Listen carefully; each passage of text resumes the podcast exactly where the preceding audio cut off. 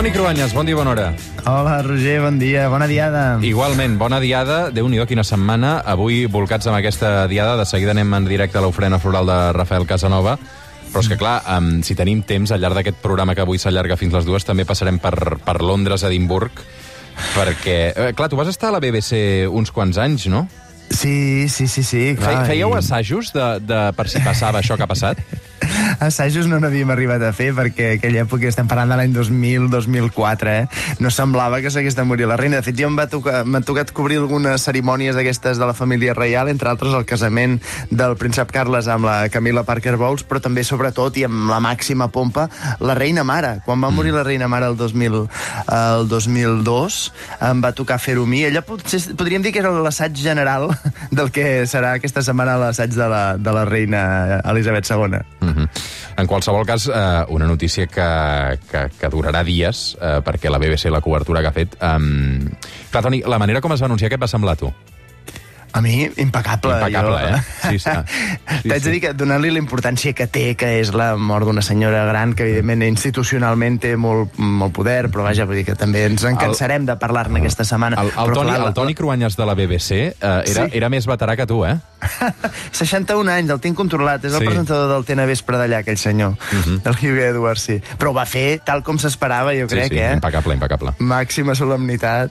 Avui amb el, amb el Toni Cruanyes cada temporada eh, relacionem l'actualitat amb la història. Avui que és 11 de setembre, Diada Nacional de Catalunya, parlem d'actualitat lligada amb la història i, evidentment, avui la història de Catalunya. Sí, veuràs també que la corona britànica hi surt, però com a actor secundari, ja ho veuràs. Ens situem, evidentment, a l'11 de setembre de 1714 i Barcelona es troba, ho sabem, sota un setge militar. A veure, aquell dia es va posar fi eh, al setge de Barcelona, el que ens tocava més de la vora, però a una gran guerra europea, perquè això ho havia provocat el testament de Carles II. Estem parlant de l'últim rei de la família dels Habsburg que va governar Espanya, els Àustria, que és com els coneixem. Com que ell no tenia descendència pròpia, va designar hereu a Felip, duc d'Anjou, net de Lluís XIV de França, dels Borbons. Això va provocar el recel de tots els països que tenien por que França tingués massa poder, perquè la corona castellana en aquella època incloïa, clar, diferents possessions a Europa, com Flandes, però també Amèrica.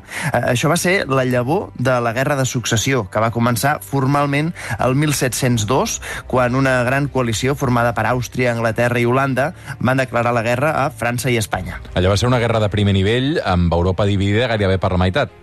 Alguns historiadors diuen que aquella guerra va ser potser la primera guerra mundial, perquè, de fet, les batalles van tenir lloc a Flandes, a Itàlia i a Alemanya, i inicialment, de fet, a la península Ibèrica, totes les autoritats havien acceptat Felip V com a nou rei. Les institucions catalanes també havien promès aquesta lleialtat al nou rei Borbó. Estem parlant del 1702.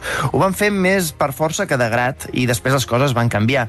El candidat dels austriacistes, l'arxiduc Carles, va desembarcar a Barcelona l'any 1704, amb l'objectiu que aquella guerra tan europea arrelés dins del regne, que de fet és el regne que estava en disputa. I això, Toni, va encendre els ànims del bàndol contrari. Molt. El virrei de Felip V va iniciar una campanya de repressió molt violenta que va encrespar els ànims dels catalans.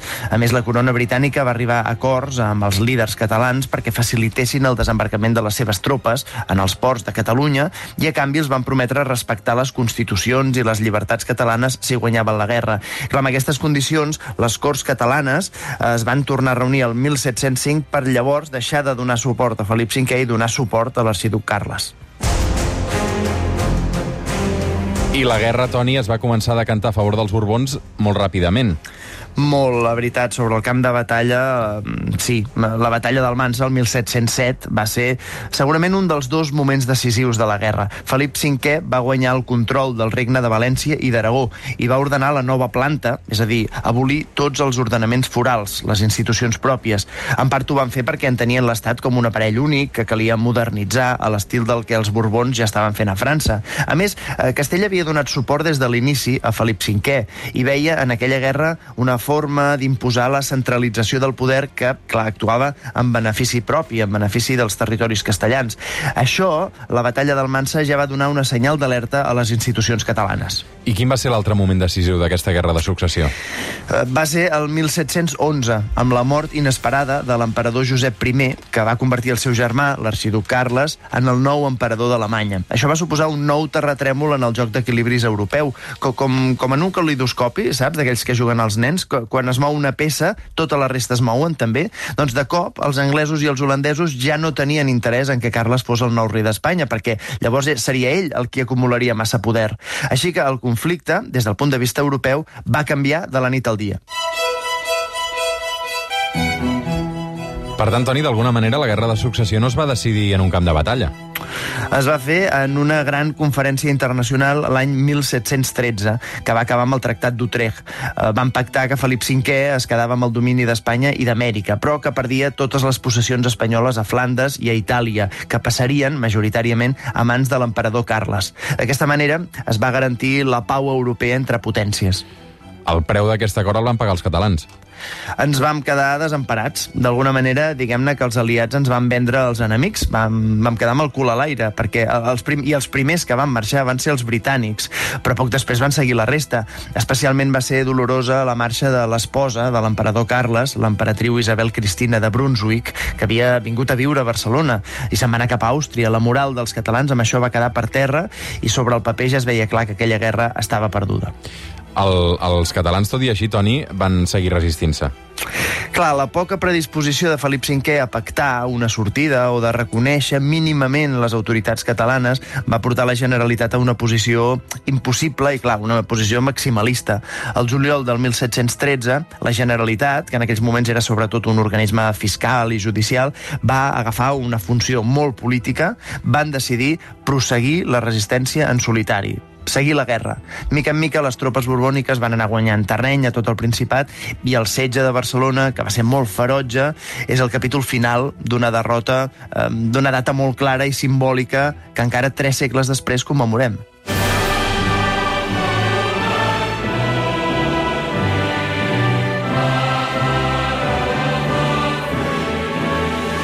Avui que parlem de catalans i d'anglesos, arribem a les 9 amb una marxa militar inconfusible, Toni.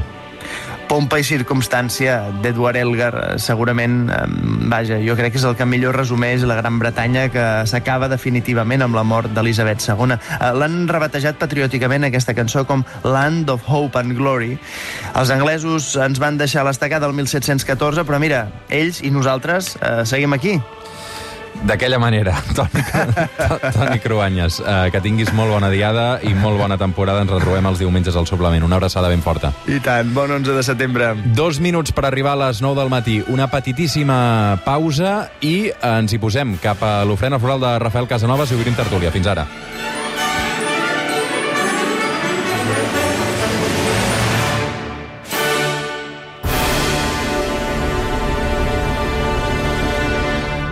El suplement, amb Roger Escapa.